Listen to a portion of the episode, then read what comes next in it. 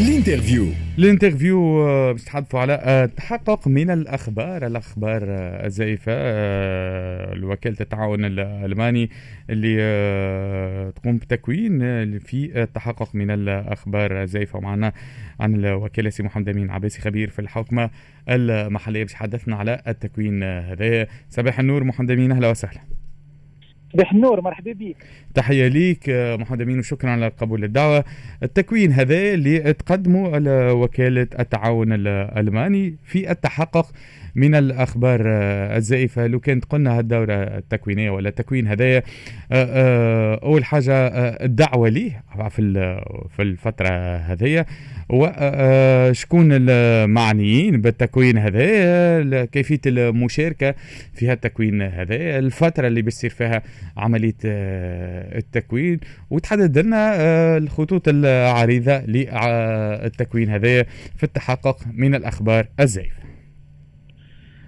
واضح. آه ميرسي آه pour l'invitation عايشكم آه عبيسي محمد أمين كيف ما قدمتني أنا خبير في الحوكمة المحلية نخدم في الوكالة التعاون الألماني في برنامج آه اسمه آه مبادره مبادرة تحسين العمل البلدي.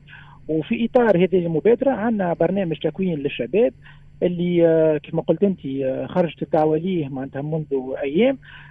الدعوة هذه موجهة للشباب الكل. وخاصة الشباب الناشط في المجتمع المدني الشباب زاد اللي ناشط في الراديوات وخاصة المؤثر الشباب المؤثرين.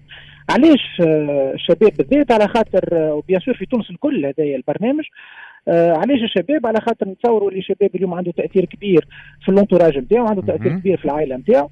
ونحن اليوم المعلومة الخاطئه خاصة بالنسبة للكوفيد هي حاجة مخطره جدا هذاك علاش اللي كان نشوفوا اليوم اللي آه، ال nombre نتاع التوانسه اللي مقيدين على Evax هم 5 ملايين معناتها تقريبا شهر الشعب التونسي تقريبا لقحوا الناس الكل. أما ساعات لازمنا نتسالوا علاش العباد ما تحبش تجي تلقح. برشا معلومات آه، غالطة اللي الي circulent معناتها تدور في سفيسه من عبد لعبد. ولازم معناتها يلزم نشوفوا كيفاش نقاوموا المعلومات هذه على خاطر آه، إذا كان باش نقعدوا هكا العباد تتعدى فيما يسمى اليوم بال post-vérité معناتها ما بعد الحقيقة اللي آه، نرتبطوا أكثر بمعلومات اللي هي تمسنا يمكن من داخل واللي هي يمكن تخلينا معناتها نعيشوا كيف ما نقولوا في فيما بعد الحقيقة في حاجة بعيدة ياسر على ال rationnel معناتها على المعقول. نحن نحب نقربوا المعلومة نحب نصلحوها وهذا ما يتم كان عبر الشباب.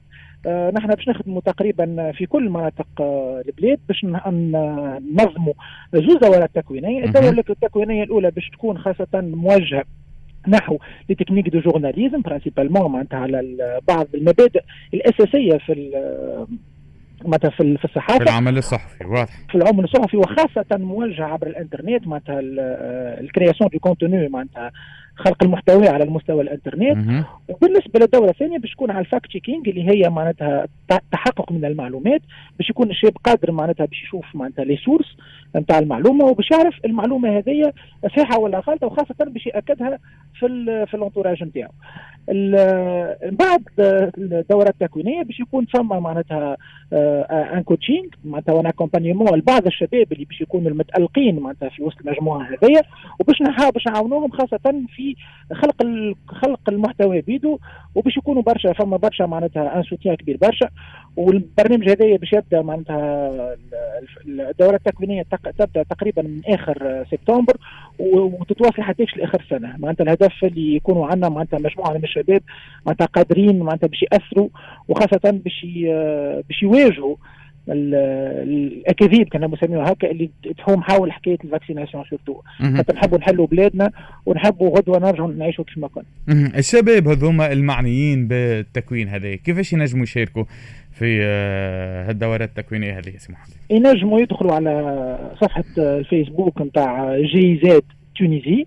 يلقاو معناتها l'appel à candidature يلقاو دعوة دعوة الاشتراك يقدموا الاشتراك نتاعهم.